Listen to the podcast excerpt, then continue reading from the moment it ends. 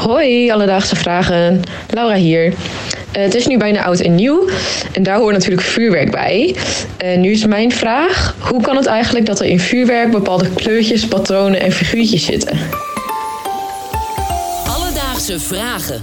NPO Radio 1. Laura uit Stadskanaal, dankjewel voor deze vraag. Zo tussen kerst en oud en nieuw heb ik toch nog een uh, eenzame dag te pakken. Want ik ben uh, helemaal alleen.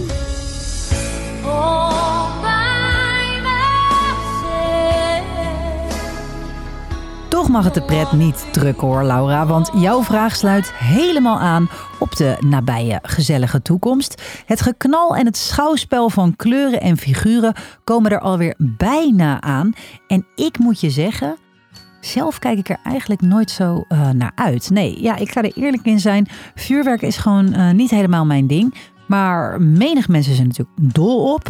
Vandaar dat ik deze vraag natuurlijk met alle respect ga behandelen. En dat heb ik ook gedaan samen met Jeroen Cafferata. Hij is pyrotechnicus en organiseert met zijn bedrijf Cafero ook nog de grootste vuurwerkshows over de hele wereld. De juiste man voor de juiste vraag. Laten we beginnen bij die figuurtjes in vuurwerk. Ik heb het dan zowel over de standaard mooie kleurenregen, maar ook echt over uh, hartjes en bloemetjes en zo. Want dat kan inderdaad allemaal. En toen moest ik natuurlijk vragen: Jeroen, hoe doen we dat nou? Als je echt figuren in de lucht wil schieten, kun je eigenlijk op twee manieren doen. Je hebt zeg maar van die shells, dat zijn van die ronde ballen die wij de lucht in schieten. Veelal zijn dat ronde effecten, dus dat is goudregen en zulks wat je ziet. Maar je kan daar bijvoorbeeld ook figuren als smileys of een hartje. en hoe wordt dat gemaakt? Dat zijn zeg maar shells. Daar wordt een figuur in ingelegd en de kruidkogels worden in de vorm van dat figuur gelegd. Dus er wordt vooraf al bepaald bij de productie van vuurwerk welk figuur je gaat maken. En die kun je dus voor kiezen in de show om te gebruiken. In feite komt het er dus op neer dat de vorm van tevoren al bepaald is. Door de ontploffing van het vuurwerk in de lucht blijft dan nog heel even die vorm van de gekozen huls in stand. Het basiskruid van vuurwerk blijft nog steeds het klassieke buskruid. Die zorgt ervoor dat het knalt en dat je het de lucht in krijgt. Afhankelijk van wat je met je vuurwerk wilt, kan je er bijvoorbeeld nitraat of barium bij gooien en die zorgen dan weer voor bepaalde effecten. Over effecten gesproken. Jeroen, hoe zit het nou met al die verschillende kleurtjes? De basis van het kruid wat je hebt, is eigenlijk dat ze een soort rijstkorrel in een soort betonmolen gooien. En daar blijft kruid aan hangen. Dus die rijstkorrel die begint, die doe je bij de productie, die doe je in een, eh, in een soort betonmolen. En elke keer blijft er een beetje kruid aan hangen. En zodoende zie je soms ook verschillende kleuren. Dan doen ze eerst de, de, het rijstkorreltje als het ware in een betonmolen met een blauwe kleur. Blijft er dus heel veel kruid aan plakken totdat het een rond kogeltje is van de blauwe kleur. En op het moment dat je datzelfde korreltje in een nieuwe betonmolen gooit waar een stof in zit met een groene kleur, dan gaat dus als eerste gaat die groen opbranden, totdat die steeds verder opbrandt, wordt hij dan naar een blauwe kleur. En zodoende krijg je ook verschillende kleuren vaak in de lucht. Alle kleuren zijn mogelijk, zegt Jeroen. En mocht je verschillende fases willen laten knallen, dan kan je in één huls een soort knalpauze inbouwen. Ja, en dat kan dus ook betekenen dat je twee kleuren vlak na elkaar ziet ontploffen.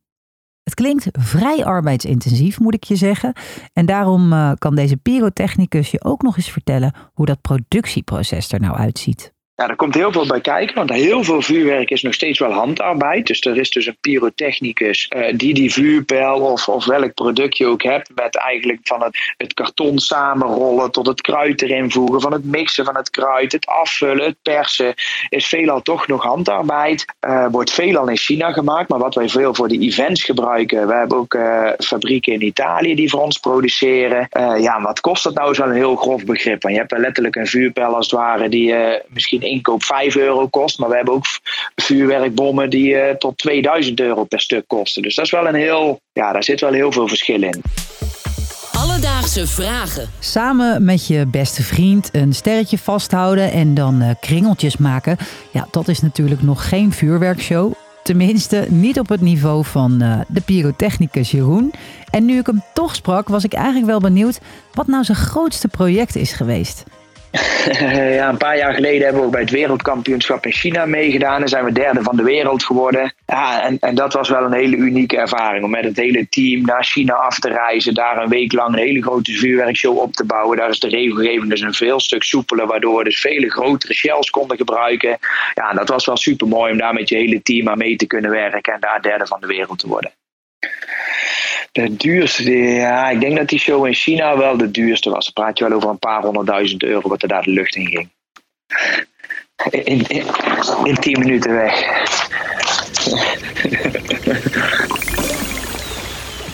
Beste Laura, figuurtjes krijg je in vuurwerk door van tevoren het vuurwerk al in die vorm in een huls te stoppen.